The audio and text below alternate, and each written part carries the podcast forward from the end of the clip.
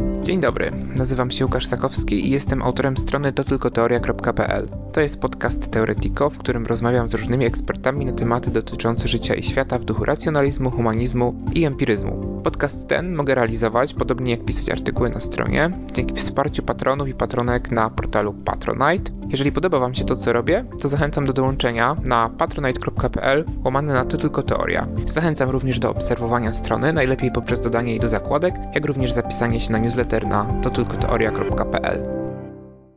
Moim gościem jest dzisiaj Justyna Gotkowska, analityczka Ośrodka Studiów Wschodnich, ekspertka od polityki e, bezpieczeństwa międzynarodowego. Dzień dobry. Dzień dobry. Będziemy rozmawiać o armii Unii Europejskiej i o tym, czy istnieje szansa na to, że taka armia powstanie. E, zacznę od tego, że premier Mateusz Morawiecki powiedział w telewizji, e, niemieckiej telewizji, że potrzeba silnej armii europejskiej i powiedział to już po inwazji Rosji na Ukrainę. 1 marca podczas głośnej rezolucji Parlamentu Europejskiego szefowa Parlamentu Europejskiego Roberta Metzola, która jest Maltanką, powiedziała, że cytuję Europe must move to have a real security and defense union a Emmanuel Macron od jakiegoś już, już no w zasadzie od kilku lat mówi o tak zwanej autonomii strategicznej Unii Europejskiej, chociaż to jest często odbierane bardzo dwuznacznie. Natomiast kanclerz Austrii, obecny kanclerz Karl Nehammer powiedział po tym głośnym marcowym szczycie w Wersalu, że nie ma, co, nie ma sensu spodziewać się w najbliższym czasie utworzenia armii europejskiej. Jednakże niecałe dwa tygodnie później, po tym szczycie, ministrowie obrony Unii Europejskiej zapowiedzieli realizację utworzenia pięciotysięcznej grupy bojowej Unii Europejskiej, e, a na początku kwietnia padły słowa już z najwyższego poziomu, bo od Ursuli von der Leyen, która powiedziała, że Unia Europejska, tu cytuję, nigdy nie będzie sojuszem militarnym. I moje pytanie pierwsze do Pani, czym w praktyce miałaby być armia europejska? Czy stworzenie takiej armii jest w ogóle w jakimś określonym e, czasie możliwym do przewidzenia realne? I jak ma się do tego to utworzenie tej grupy bojowej, o której przed chwilą hmm. wspomniałem? E, dobrze, ja myślę, że musimy sobie wyjaśnić tutaj kilka kwestii. Armia Europejska e, nie jest e, celem um, współpracy unijnej w obszarze bezpieczeństwa, z tego względu, że zdecydowana większość państw opowiada się za silnym sojuszem północnoatlantyckim, który stanowi podstawę gwarancji bezpieczeństwa europejskiego. E, I z tego względu um, większość państw odrzuca um, koncepcję armii europejskiej, ale oczywiście jak najbardziej jest przychylna wzmacnianiu współpracy wojskowej zarówno w Unii Europejskiej, um, jak i w NATO. I ta wypowiedź premiera Morawieckiego, której ja nie kojarzę, wydaje mi się, ona została wyjęta z kontekstu.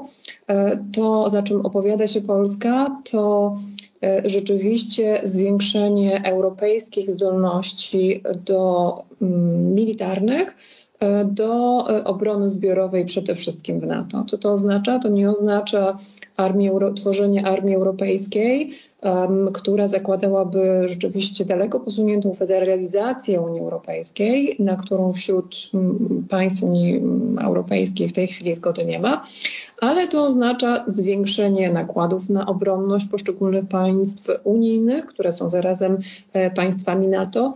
To oznacza zwiększenie współpracy pomiędzy e, poszczególnymi państwami e, europejskimi, natowskimi, w Sojuszu Północnoatlantyckim w ramach wzmacniania wschodniej flanki i zwiększenie współpracy e, militarnej e, w, również w Unii Europejskiej i tutaj jest taka możliwość w ramach tak zwanych projektów PESCO, gdzie toczy się już prawie kilkadziesiąt projektów współpracy pomiędzy siłami zbrojnymi państw członkowskich. E, na obecnym etapie rozwoju unijnej europejskiej e, polityki bezpieczeństwa zakładane jest, że Unia mm, angażuje się w większym stopniu, e, czy, czy będzie się angażować w większym stopniu w reagowanie kryzysowe, również w tym wojskowym wymiarze, w najbliższym sąsiedztwie unijnym, czyli tutaj myśli się o Afryce, o Bliskim Wschodzie, ale w coraz większym stopniu również e, o e, e, partner, państwach Partnerstwa Wschodniego. I tutaj rzeczywiście zaczęło się dać, dziać dużo po rozpoczęciu wojny na Ukrainie. Unia zaangażowała się przykładowo w naprawdę duże finansowanie pomocy wojskowej dla Kijowa. Przed wojną mowa była o rozpoczęciu misji szkoleniowej czy też doradczej wojskowej na Ukrainie. Więc taki jest cel unijnej polityki bezpieczeństwa, zwiększenie widoczności E, Unii Europejskiej w tym e, reagowaniu kryzysowym, cywilnym i wojskowym w najbliższym sąsiedztwie. E, w tych regionach, które wymieniłam, do tego zaliczyłabym również państwa Bałkanów Zachodnich. Nie jest celem Unii Europejskiej w tej chwili, a przynajmniej nie ma na to zgody wśród państw unijnych, żeby unijna polityka bezpieczeństwa przekształciła się czy szła w kierunku E, tworzenia w ramach Unii Europejskiej e, sojuszu obronnego, alternatywnego do NATO. E, nie, ma, nie jest zakładane, żeby Unia mm, sama jako taka rozwijała zdolno, zdolności e, wojskowe, militarne do obrony własnego terytorium. I tutaj jasno się mówi o tym podziale pracy pomiędzy NATO, które jest za to odpowiedzialne, a Unią Europejską, która jest odpowiedzialna za reagowanie kryzysowe, za wzmacnianie mm, odporności, tak zwanej odporności państw członkowskich mm, wobec zagrożeń hybrydowych, czyli przykładowo ataków cybernetycznych, ataków na infrastrukturę krytyczną, wzmacniania bezpieczeństwa energetycznego, bezpieczeństwa informacyjnego. To jest bardzo szerokie pole do y, działań e, unijnych. E, I ponadto Unia też zakłada, że państwa członkowskie chcą, aby Unia wspierała je w budowie zdolności właśnie na potrzeby obrony zbiorowej w NATO i tutaj Unia ma pewne instrumenty finansowe, e, może działać e, na przykład w sferze mm, wzmacniania infrastruktury do celów wojskowych, czyli budowy, wzmacniania połączeń kolejowych, drogowych, tak aby mogły one być również wykorzystywane bez problemu e, przez e, siły zbrojne e, państw NATO. A jeżeli chodzi o tą jednostkę bojową, pięciotysięczną? Mhm. Jeżeli chodzi o tą jednostkę bojową, to ona mieści się właśnie w, ty, w tym wymiarze reagowania kryzysowego Unii. I tutaj do tej pory, już od dobrych kilku lat, w ramach Unii Europejskiej funkcjonowały tak zwane E, unijne e, czy grupy bojowe Unii Europejskiej. E, były to zazwyczaj dwie jednostki wielkości około 1500 żołnierzy. One sprawowały półroczny dyżur i jakby co pół roku się zmieniało i inne państwo lub państwa, bo te jednostki były E, były również wystawiane we współpracy kilku państw, e, pełniły e, taki dyżur. I w zamiarze te grupy bojowe Unii Europejskiej miały być wykorzystywane na unijnych misjach zagranicznych reagowania kryzysowego, czy to w Afryce, czy na Bliskim Wschodzie. Do tej pory nie było przypadku, kiedy one zostały rzeczywiście wykorzysta wykorzystane, z tego względu, że na, takie, na taki, taką operację z wykorzystaniem grup bojowych musiałyby się zgodzić wszystkie państwa członkowskie e, Unii Europejskiej i do tej pory takiej zgody, e, zgody nie było. W związku z tym, że jakby od kilku lat te jednostki były wystawiane, że był to długi proces certyfikacji, przygotowywania się, wydzielania E, jednostek e, z mm, sił zbrojnych państw członkowskich. Był to proces e, dosyć kosztowny, dosyć taki angażujący personel wojskowy, a w związku z niewykorzystaniem tych jednostek pojawiały się w coraz większym stopniu pytania, czy to wszystko ma sens. I od kilku dobrych lat Unia dyskutowała, czy jak e, zreformować te grupy bojowe, tak żeby, żeby rzeczywiście mogły być wykorzystywane, wykorzystane w przyszłości, e, żeby mogły, żeby miały sens e, i żeby miały odpowiednią wielkość do przeprowadzania większych operacji. I konkluzją dokumentu, który Unia, państwa członkowskie Unii Europejskiej przyjęły niedawno, czyli tak zwanego strategicznego kompasu, który wytyczył kierunek dalszego rozwoju unijnej polityki bezpieczeństwa. W tym dokumencie znalazł się właśnie zapis o e, utworzeniu mm, czy wystawianiu w przyszłości przez państwa unijne e, takich e, większych grup bojowych wielkości brygady 5 tysięcy żołnierzy. I rzeczywiście na to się zgodzono, ale w przyszłości zobaczymy, jak to rzeczywiście będzie funkcjonować. Do tej pory, e, czy, czy wydaje się, że będzie to pewna reforma dotychczasowych grup bojowych, pewne ich scalenie e, i czy e, te brygadowe grupy, które mają funkcjonować w przyszłości w ramach Unii Europejskiej, rzeczywiście zostaną wykorzystane, czy nie, to tutaj zobaczymy. Jest du dużo znaków zapytania z tego względu, że Unia Europejska do tej pory nie angażowała się w duże operacje y, zagraniczne wojskowego typu. Prowadziła mm, szereg małych misji wojskowych, E, z reguły, jeżeli one były na lądzie, to one były szkoleniowe e, i prowadziły właśnie szkolenia sił e, partnerskich, przede wszystkim w państwach afrykańskich. Jedną z takich najbardziej znanych misji jest szkoleniowych jest misja w Mali, też bardzo dosyć kontrowersyjna ostatnio, z tego względu, że Unia prowadzi tam już kilka e, dobrych lat e, szkolenia malijskich sił zbrojnych, które mają zwalczać um, um, organizacje terrorystyczne w Mali, um, a okazało się, że oficerowie wykształceni przez e, europejskich żołnierzy brali udział w kolejnych puczach w, w wojskowych w tym państwie.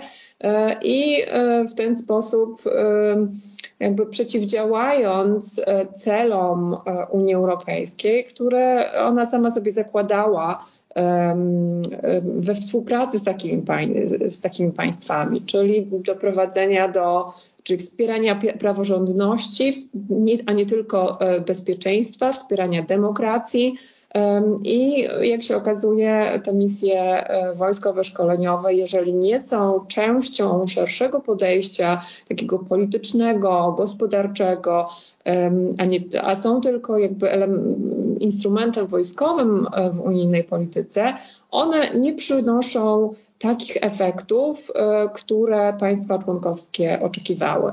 Z tego względu jakby już w tej chwili, biorąc pod uwagę to, co się dzieje na Ukrainie, e, wojnę, inwazję rosyjską na Ukrainę, to stawia Unię Europejską w, przed wyzwaniem ponownego przemyślenia swojej strategii w bezpieczeństwie i przed pytaniem, czy rzeczywiście Unia Europejska powinna e, w większym stopniu e, koncentrować się na reagowaniu e, kryzysowym w swoim południowym sąsiedztwie, czy też powinna rzeczywiście skoncentrować się w tej chwili na wspieraniu zdolności obronnych państw członkowskich w NATO, czy na zwiększaniu tej tak zwanej odporności w różnych obszarach w państwach e, członkowskich, czyli czy ten e, fokus bezpieczeństwa, polityki bezpieczeństwa unijnej nie powinien e, zostać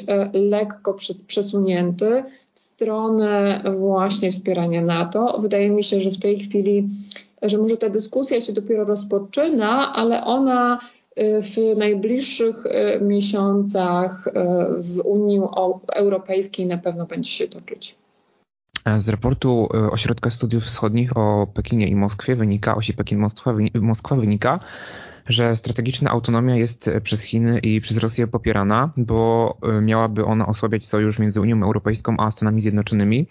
Pani też mówi o tym, że wiele krajów się w Unii Europejskiej na armię europejską nie zgadza, ponieważ stawia na NATO. A czy byłoby możliwe stworzenie takiej armii Unii Europejskiej, ale która by działała w ramach NATO, tak jak jest armia niemiecka, armia francuska albo armia turecka? To byłaby armia europejska, armia unijna, która byłaby e, armią natowską. Mhm. W, ja myślę, że tutaj rozróżniłabym te różne, w Unii Europejskiej funkcjonują różne pojęcia. Funkcjonuje autonomia strategiczna, funkcjonuje europejska suwerenność, E, to, na co państwa członkowskie się zgadzają, to rzeczywiście mm, większa podmiotowość Unii Europejskiej, częściowo w polityce zagranicznej, ale przede wszystkim w polityce gospodarczej, e, w polityce mm, przemysłowej, E, I tutaj rzeczywiście większa integracja wśród państw członkowskich, e, gdzie nie ma zgody na taką e, autonomię strategiczną, suwerenność, to jest właśnie ta polityka bezpieczeństwa, gdzie państwa członkowskie Unii Europejskiej polegają w największym stopniu właśnie na NATO, żeby zagwarantować swoje bezpieczeństwo. I teraz pytanie, czy w NATO udałoby się E, stworzyć tak zwaną armię europejską. E, nie sądzę, e, z tego względu, że państwa członkowskie mają różne potrzeby, mają różne położenie geograficzne, mają różne perspektywy na bezpieczeństwo, mają różne priorytety i te priorytety wschodniej flanki są odmienne od priorytetów Turcji, Francji, Włoch czy Hiszpanii. E, I e, jakby każdy kraj e, jest odpowiedzialny za zapewnienie bezpieczeństwa mm, własnego, własnych obywateli, suwerenności państwa, integralności terytorialnej. I dopóki nie będziemy mieć do czynienia z, z takim trendem do federalizacji w ramach Unii Europejskiej, nie spodziewałabym się, że bez takiej politycznej e, podstawy e, dla większej integracji sił zbrojnych e, w Europie, czy to w Unii, czy to w NATO, taka armia europejska może powstać. Moim zdaniem politycznie i wojskowo jest to, jest to po prostu niemożliwe. Ale co może się zadziać w ramach Sojuszu Północnoatlantyckiego, to rzeczywiście większa współpraca sił zbrojnych państw europejskich, większa odpowiedzialność sojuszników europejskich za bezpieczeństwo e, Europy, za bezpieczeństwo wschodniej flanki. Ale co to będzie oznaczać? To będzie oznaczać przede wszystkim większe wydatki narodowe e, na e, krajowe siły zbrojne, większy ich udział w obronie zbiorowej, e, w planowaniu obronnym e, NATO, tak aby odciążyć e, Stany Zjednoczone, które w przyszłości już przed wojną na Ukrainie, ale również po wojnie na Ukrainie, rzeczywiście powoli w, większym stopniu e, będą chciały się skupić e, na zapewnianiu bezpieczeństwa w regionie Indo-Pacyfiku i oczekują od państw europejskich e, tutaj większego wsparcia, większego zaangażowania w, w tym teatrze europejskim w ramach Sojuszu Północnoatlantyckiego. E, to teraz pytanie, tak, skoro pani mówi, że to jest e, w zasadzie niemożliwe, żeby stworzyć taką armię europejską, przynajmniej w najbliższym czasie, e, to pytanie zatem z takiej trochę fikcji politycznej. Jaka, jakie pani zdaniem byłyby różnice pomiędzy mm, sytuacją, w której Rosja atakuje jakiś kraj członkowski Unii Europejskiej teraz i sytuacją, w której Rosja atakuje jakiś kraj członkowski, kiedy Unia Europejska miałaby swoją własną armię? Mhm, dobrze.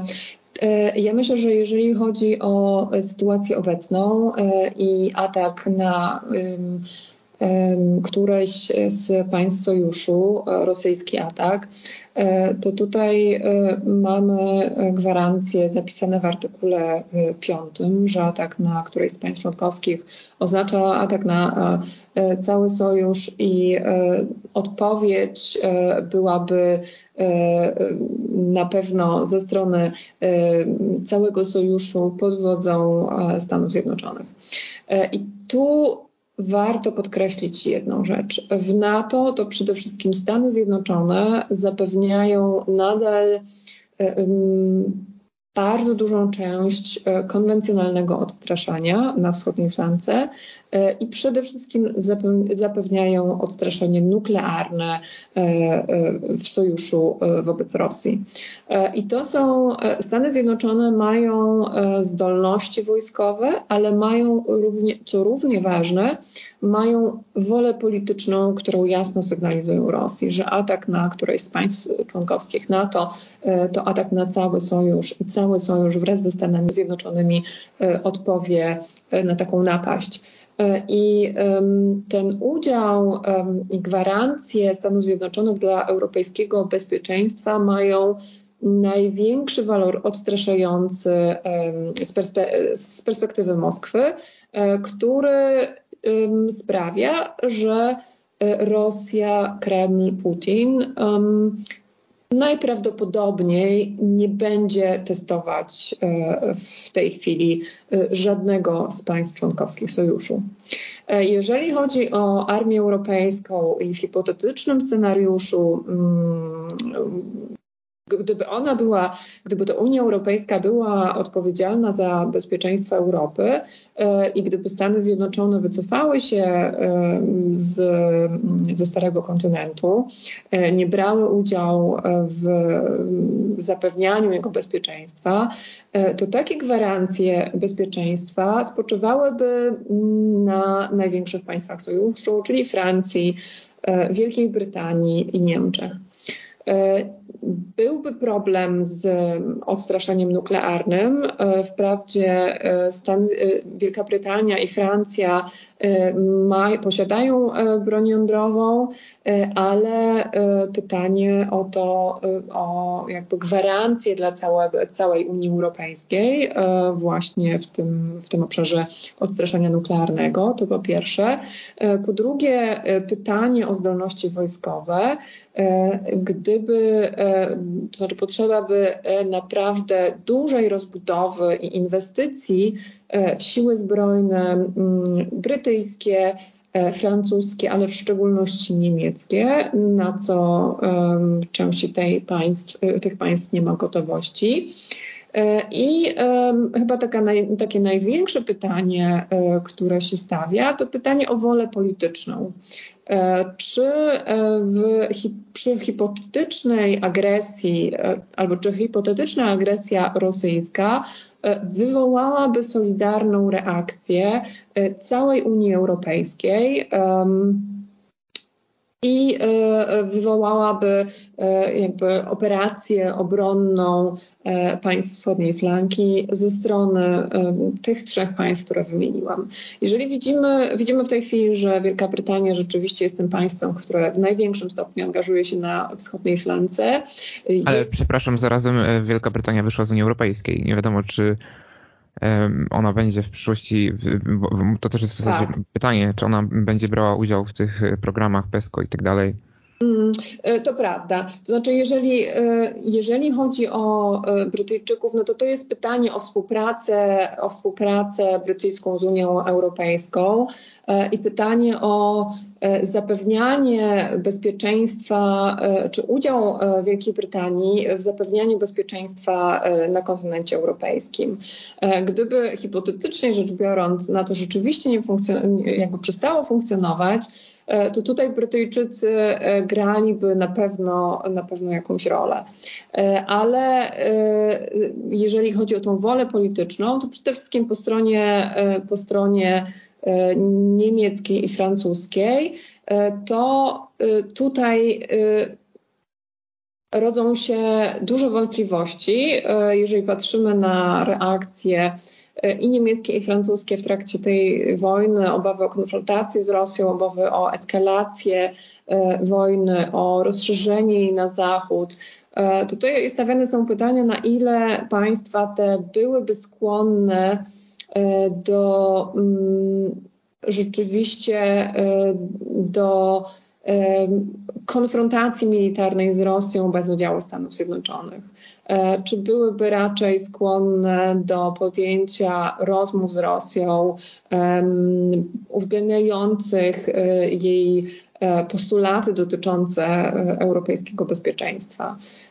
Także, żeby stworzyć jakby armię europejską, czy to Unii Europejskiej, czy, czy, czy szerzej włączającą również Wielką Brytanię, Potrzeba przede wszystkim jakby trzech rzeczy. Po pierwsze, naprawdę bardzo dużych inwestycji w zdolności konwencjonalne.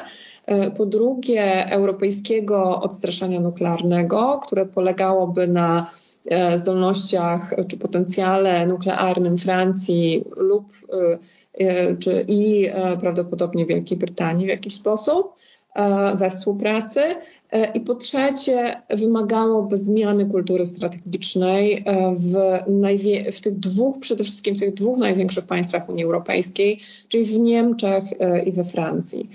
I z tego względu te wszystkie rozważania dotyczące armii europejskiej są po prostu z perspektywy państw wschodniej flanki, ale nie tylko, z perspektywy Szwecji, e, Finlandii, które wstąpią do NATO e, najprawdopodobniej jeszcze w tym roku, e, z perspektywy Norwegii, ale też z perspektywy części sporej części państw Europy Zachodniej, które zdają sobie sprawę z wartości amerykańskiego zaangażowania w Europie, to te dyskusje armii europejskiej są po prostu um, bardzo um, wirtualne, um, biorąc pod uwagę rzeczywistość i taki konfront, coraz bardziej konfrontacyjny charakter relacji międzynarodowych, w szczególności relacji e, między Zachodem a Rosją.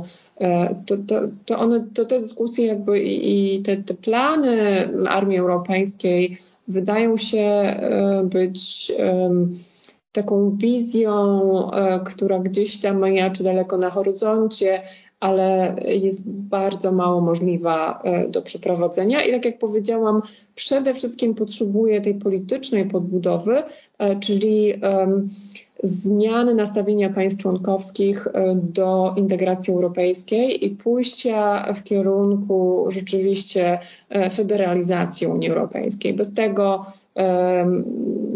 i bez zmiany, bez inwestycji w obronność, bez zmiany kultury strategicznej, bez e, określenia tego odstraszania nuklearnego europejskiego, jakby o armii europejskiej nie ma mowy.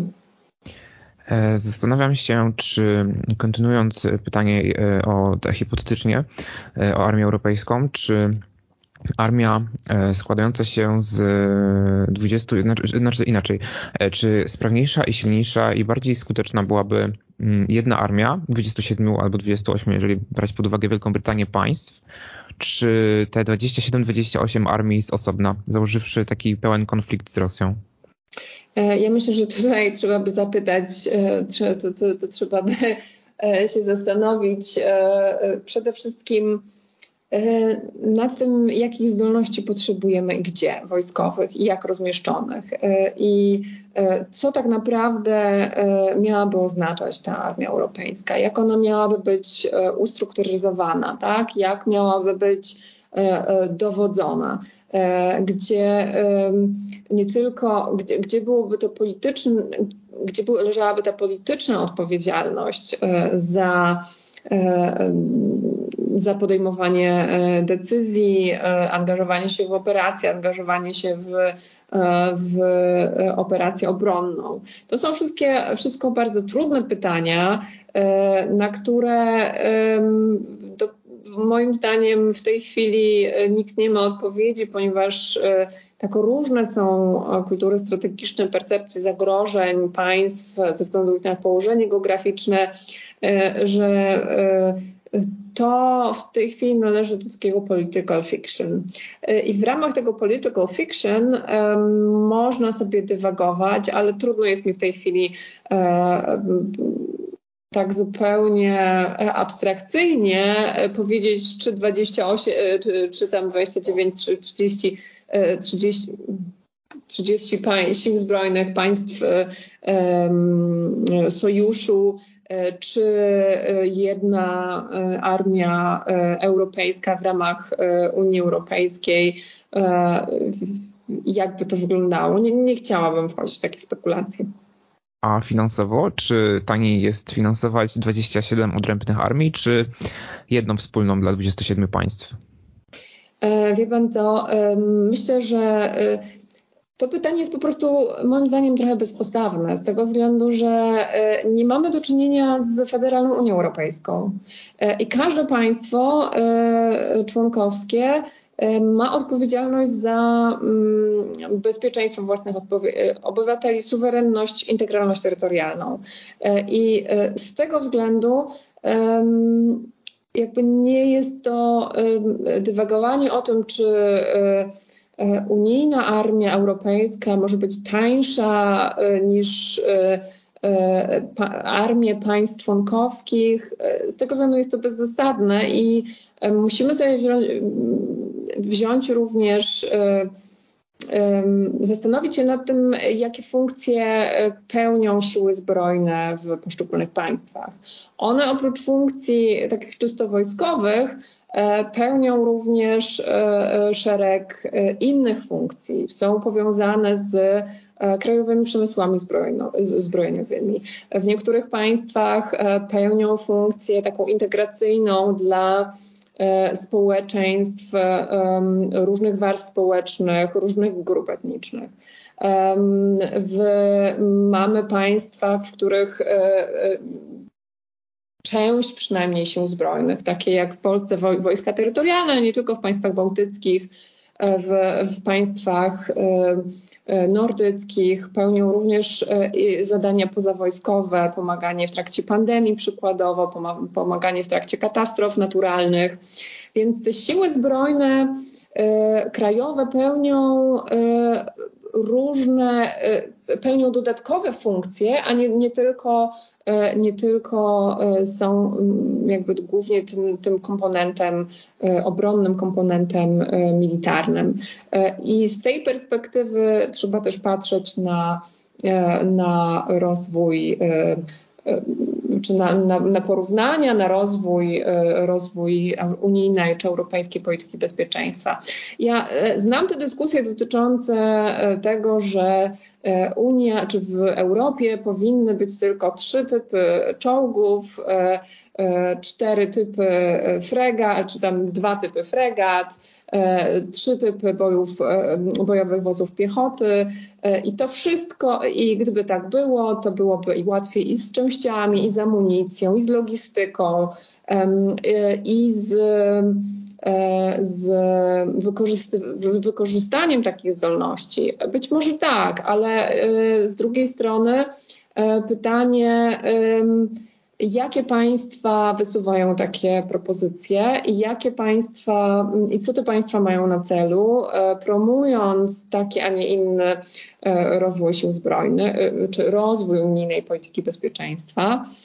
I są to państwa o największym potencjale mm, przemysłu zbrojeniowych, które dążą rzeczywiście do ujednolicenia tego sprzętu wojskowego w Europie. E, dążą do tego, żeby był to przede wszystkim sprzęt e, europejski, czyli sprzęt z reguły francuski lub niemiecki, żeby rozwój takich bardziej jednolitych sił państw zbrojnych państw członkowskich był z korzyścią dla ich przemysłów zbrojeniowych E, I jest jasne, że państwa, mniejsze lub średnie państwa, które mają, czy prowadzą kooperację zbrojeniową ze Stanami Zjednoczonymi, które prowadzą kooperację zbrojeniową z Wielką Brytanią, e, czyli są to państwa tutaj i na wschodniej flance, i w Europie Północnej, ale nie tylko, e, że e, te mniejsze i średnie państwa trochę inaczej widzą e, rozwój unijnej polityki bezpieczeństwa, taki rozwój, ujednolicanie sił zbrojnych państw członkowskich, ponieważ dostrzegają, że za tym stoją nie tylko jakby takie europejskie interesy idea, takie, ta, czy idea, e, temu nie przyświeca tylko idea ar, utworzenia armii europejskiej, integracji um, i oszczędzania pieniędzy i środków, ale przyświeca temu idea wzmacniania e, krajowych przemysłów zbrojeniowych, krajowego potencjału obronnego e, konkretnych państw członkowskich i z tego względu jakby jest też opór przed e, pójściem w takim kierunku. Ponadto jesteś w, w, w kwestiach rozwoju sił zbrojnych czy ujednolicania pod takim parasolem europejskim. Tutaj mamy problem również polityczny. Polityczny ten problem dotyczy E, tego, jak powinniśmy e, w Europie rozwijać współpracę ze Stanami Zjednoczonymi. E, czy państwo, które odpowiada w największym stopniu za bezpieczeństwo Europy, które daje gwarancje i w obszarze konwencjonalnym, i w obszarze odstraszenia nuklearnego, które wysyła do Europy siły i środki, powinno być wykluczone z rozwoju sił zbrojnych w tym e, wymiarze e, wojskowo-technicznym, e, przemysłowym. Wydaje mi się, że z, tej perspektywy politycznej tutaj w naszym regionie to się po prostu nie spina i z tego względu te rozmowy o tworzeniu czy ujednolicaniu sił zbrojnych państw Unii Europejskiej są po prostu trudne z tego względu, że istnieją tu bardzo różne perspektywy, interesy polityczne, interesy wojskowe, interesy przemysłowe. W Niemcy na początku tej wojny zapowiedziały, e, że będą, kanclerz Niemiec Olaf Scholz zapowiedział, że będzie mm, poważnie i szeroko dozbrajał armię i lepiej ją finansował. I w tamtym czasie zarówno mi, jak i różnym osobom, z którymi rozmawiałem, przyszła taka myśl, że co jeśli Niemcy zmienią, zmienią swoje nastawienie za 10, 15 albo 20 lat, mając już znacznie lepszą armię niż miałem teraz. E, oczywiście od razu nasuwają się tutaj skojarzenia z e, latami 30. XX wieku. Zastanawiam się, czy uwspólnotowienie, jeśli nie e, takie pełne po, po, w postaci armii europejskiej, to przynajmniej właśnie w ramach programów obronnych czy strategii autonomii strategicznej, nie niwelowałoby takiego ryzyka, że Niemcy za ileś lat, kiedy mogłyby się zmienić nastroje społeczne, partie rządzące i tak żeby nie zagrażały w innym krajom europejskim. Mhm. Um Wydaje mi się, że przede wszystkim e, należy podkreślić e, to, że Rozumiem pewne obawy dotyczące kierunku niemieckiej polityki bezpieczeństwa obronnej za kilka lat, e, ale biorąc pod uwagę ostatnie dziesięciolecia, biorąc pod uwagę kondycję albo może takie, taką nastroje w niemieckim społeczeństwie, lekcje wyniesione z historii, głęboko zakorzenioną niechęć e, do wykorzystywania e, sił zbrojnych e, do udziału w konfliktach militarnych, do konfrontacji to nie martwiłabym się w perspektywie 10, 15, a nawet 20-letniej, że tutaj to niemieckie nastawienie się zmieni. E, czym, ma, czym ja się martwię, to to właśnie, że to niemieckie nastawienie jest bardzo trudne do zmiany e, i bardzo trudno jest E, wymusić na Berlinie większe zaangażowanie w obronę zbiorową, e, czy w reagowa- tutaj na wschodniej flance, czy w operację reagowania kryzysowego w sąsiedztwie Europy, tak jak tego chce Francja. Jeżeli chodzi o te zapowiedzi dotyczące zwiększenia mm, wydatków na Bundeswehrę, e, to w tej chwili wygląda to tak, że, mm, Bundes, że Niemcy muszą jeszcze zapewnić e, e, czy przegłosować w Bundestagu to dodatkowe finansowanie w wysokości 100 miliardów euro na Bundeswehrę.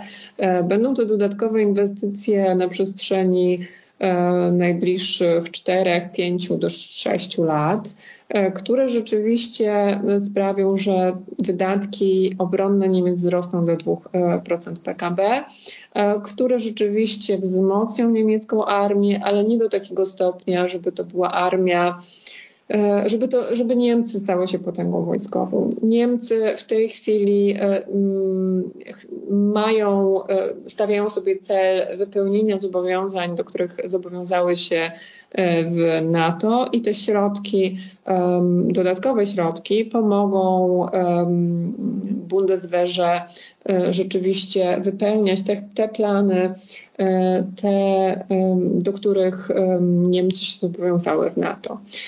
Problem, problem, który z Niemcami będziemy mieć za 5-6 lat, e, jest taki, że e, ze względu na wykorzystanie tego funduszu, tych 100 miliardów euro, e, środki na Bundeswehrę ponownie spadną do 1,5% PKB, niemieckiego PKB.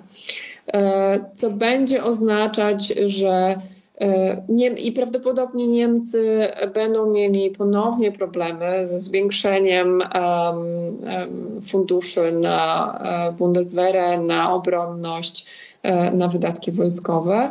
Z tego względu, że jakby w niemieckim społeczeństwie do tej pory nie ma wystarczającej woli na finansowanie obronności, ponieważ niemieckie społeczeństwo nadal nie jest przekonane o tym, że wojna może przyjść na terytorium Niemiec i że Niemcy mogą być bezpośrednio e, e, nią dotknięte. E, I w związku z tym wydaje mi się, że ten problem z Niemcami będzie, będzie inny niż obawa o niemiecki, powrót do niemieckiego militaryzmu, niż obawa o potencjał wojskowy Bundeswehry.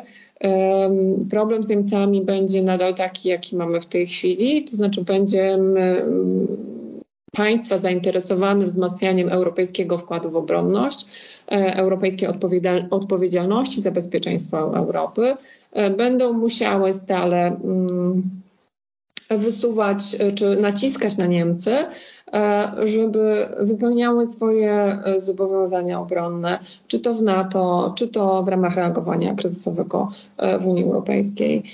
I z tego względu jakby ten argument, że armia europejska mogłaby na, czy byłaby remedium na możliwą remilitaryzację Niemiec, moim zdaniem jest, e, jest e, trochę e, chybiony. W czym idea armii europejskiej pomaga w Niemczech, to ponieważ z tego względu, że niemiecka armia mm, nie jest popularna i wydatki na obronność Niemiec jako państwa nie są popularne w Niemczech, to ten, to pokazywanie, że Niemcy angażują się w ramach Unii Europejskiej, w unijną politykę bezpieczeństwa, że to, że, że to Unia działa razem e, na rzecz e, bezpieczeństwa, w zapewniania bezpieczeństwa europejskiego sąsiedztwa, to ten argument i, i to potrzebuje niemieckiego finansowania, to ten argument trafia rzeczywiście bardziej do niemieckiego społeczeństwa, a przynajmniej trafiał przed wojną rosyjsko-ukraińską i rzeczywiście był wykorzystywany w, Niemczech e, na rzecz wzmacniania poparcia społecznego dla większych wydatków na obronność. Ale to też pojawia się pytanie, czy po tej wojnie e, Niemcy rzeczywiście, czy niemieckie społeczeństwo nie będzie trochę bardziej świadome konieczności wzmacniania własnych sił zbrojnych. Oczywiście e, do pewnych granic i które, jakby, które tkwią w, w, tej niemieckiej kulturze strategicznej ukształtowanej po zakończeniu II wojny światowej. A czy przyjęcie eurowaluty zwiększałoby bezpieczeństwo Polski. Zastanawiam się, czy na przykład nie z tego powodu kraje bałtyckie czy Słowacja przyjęły walutę europejską. Mhm. E, to prawda. E, jeżeli chodzi o państwa bałtyckie, to przyjęcie e, waluty euro miało również taki kontekst bezpieczeństwa. Państwa te mm, ze względu na ich położenie geograficzne, ze względu na mm, Y, wtedy y, nikłą obecność sojuszniczą y, czuły się w dużym, w o wiele w większym stopniu zagrożone możliwym atakiem rosyjskim i uznawały, że wszystkie, mm, każde działanie, które sprawia, że są zintegrowane w większym stopniu z Europą Zachodnią, wzmacnia ich bezpieczeństwo. Tyle, że jeżeli chodzi o Polskę, albo jeżeli w tej, w, te, w tej sytuacji, jeżeli zapytamy się, czy e, fakt, że państwa bałtyckie mają, e, posługują się walutą euro, e, sprawia, że są mniej narażone na ewentualny atak rosyjski w przyszłości. Wydaje mi się, że na to pytanie mm, odpowiedziałoby w tej chwili negatywnie, że y, jakby z perspektywy rosyjskiej, bo z tej perspektywy należy zawsze mm, y, jakby patrzeć na y, i analizować te kwestie, to to, że państwa bałtyckie mm, jakby posługują się walutą euro, jakby nie ma, nie ma żadnego znaczenia. A Polska jest na tyle dużym państwem członkowskim, że Sojuszu Północnoatlantyckiego i, i Unii Europejskiej, że to, czy posługuje się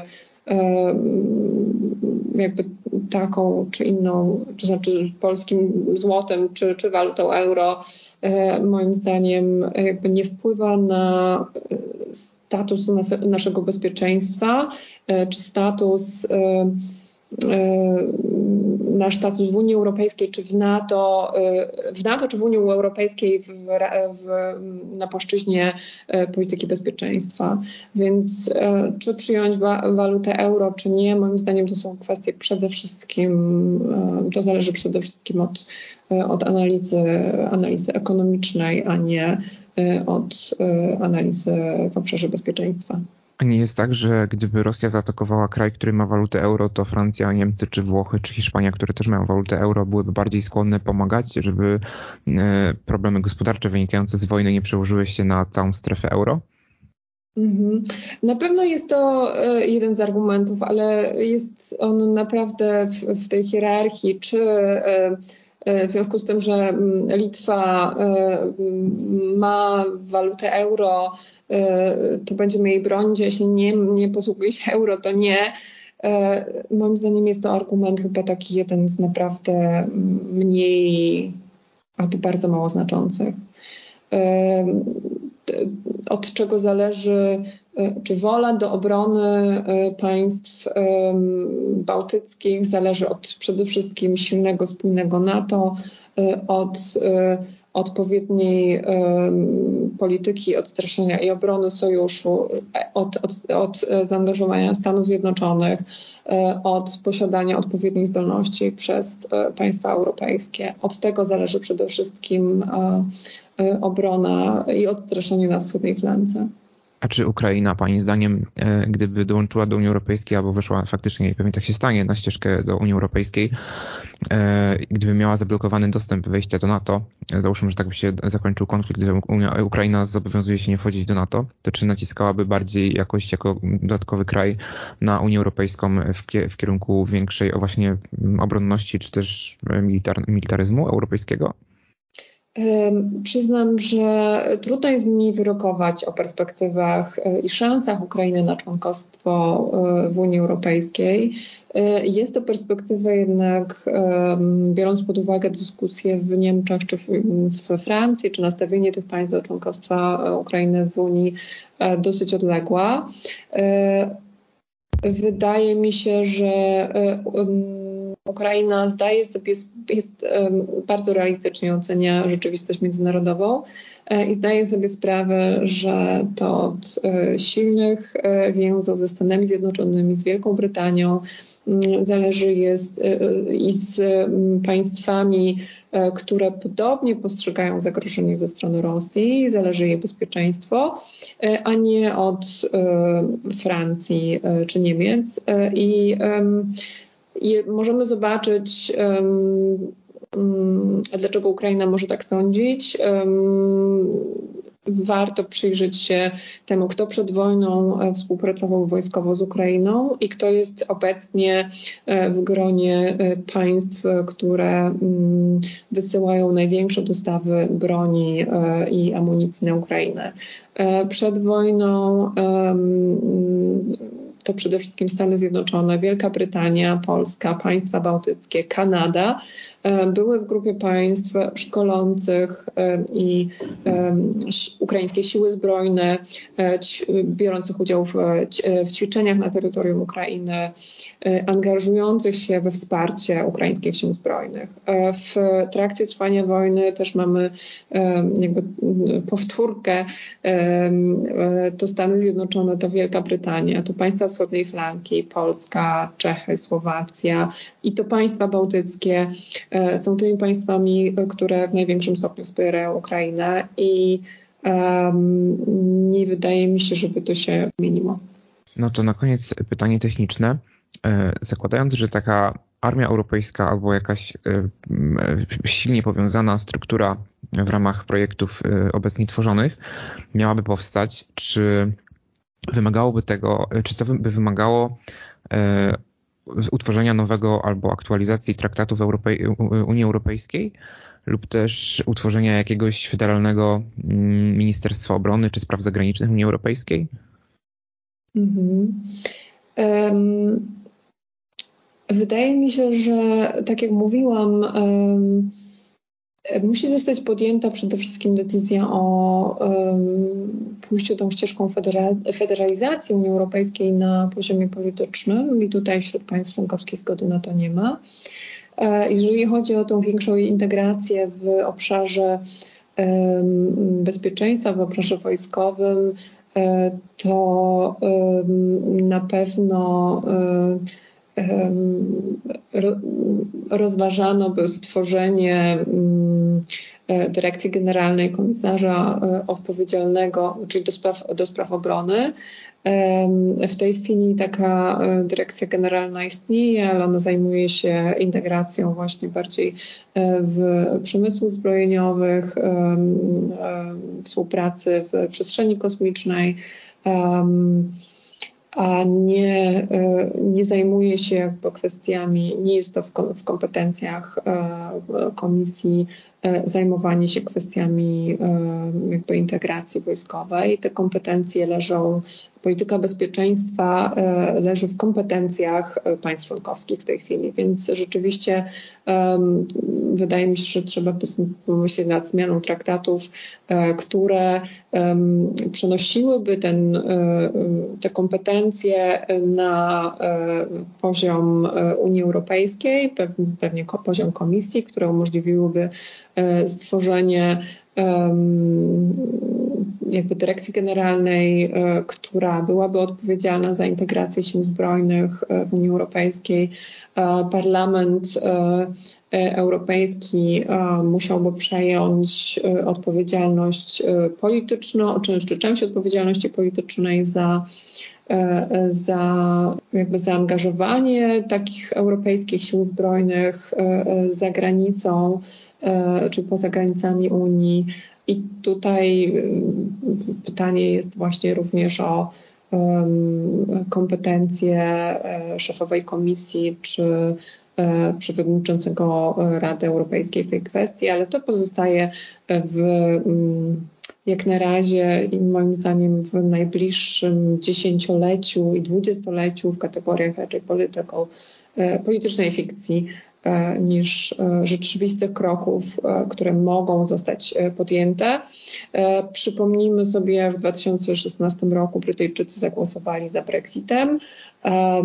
W wybory we Francji w zeszły weekend wygrał wprawdzie prezydent Macron, ale wszystko na to wskazuje, albo dużo na to wskazuje, że wybory we Francji przyszłe prezydenckie może wygrać radykalna prawica lub radykalna lewica co będzie e, oznaczało odejście od um, tej ścieżki takiej umiarkowanej, ostrożnej integracji w niektórych obszarach, uh, która jest um, która, którą w tej chwili podążamy.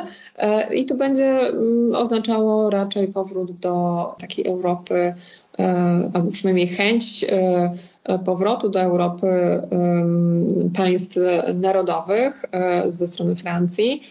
I to zmieni dynamikę zupełnie w Unii Europejskiej, zmieni dyskusję na temat dalszej współpracy, integracji, również, czy może przede wszystkim właśnie w tym obszarze, o którym rozmawiamy.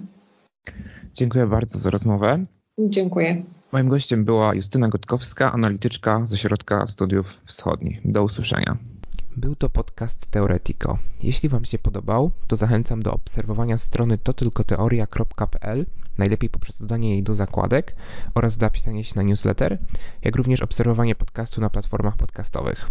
Zachęcam także do dołączenia na patronite.pl łamane na to tylko teoria, bo to dzięki wsparciu patronów i patronek mogę realizować ten podcast, jak również pisać artykuły na stronie. Do usłyszenia.